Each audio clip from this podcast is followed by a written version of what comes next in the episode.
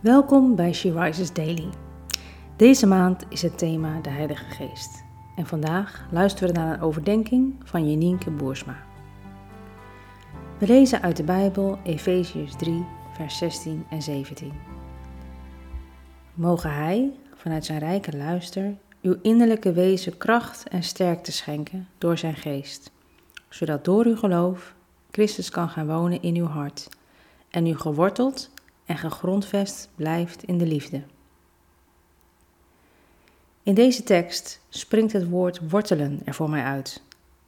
Ik bevind me in een moeilijke periode in mijn leven en ga door diepe processen heen. Opmerkelijk genoeg heb ik gemerkt dat juist de tough times, die we allemaal vroeg of laat eens zullen kennen, de tijden zijn waarin geloof echt wortelt in ons hart. Wij mensen zijn vaak geneigd te focussen op de vrucht die een boom geeft, juist omdat dit ook zichtbaar is. Maar welke vrucht zou een boom dragen als hij geen kracht en voeding krijgt door de wortels?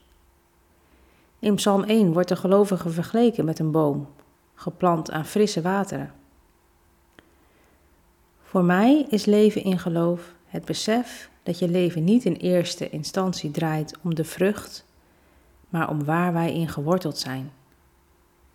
De Bijbeltekst heeft het over geworteld zijn in de liefde. Waarin ben jij geworteld? Ik zou je vandaag willen uitdagen om te focussen op het wortelen van je geloof, in plaats van op de vrucht.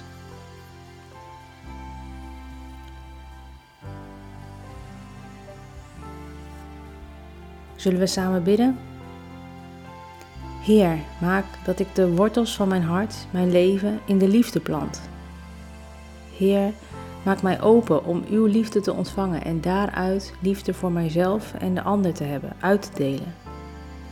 Laat mij juist ook in moeilijke tijden niet te veel gericht zijn op de vrucht, op resultaat, maar me richten op het belangrijkste, de liefde. Je luisterde naar een podcast van She Rises. She Rises is een platform dat vrouwen wil bemoedigen en inspireren in hun relatie met God. We zijn ervan overtuigd dat het Gods verlangen is dat alle vrouwen over de hele wereld Hem leren kennen. Kijk op www.she-rises.nl voor meer informatie.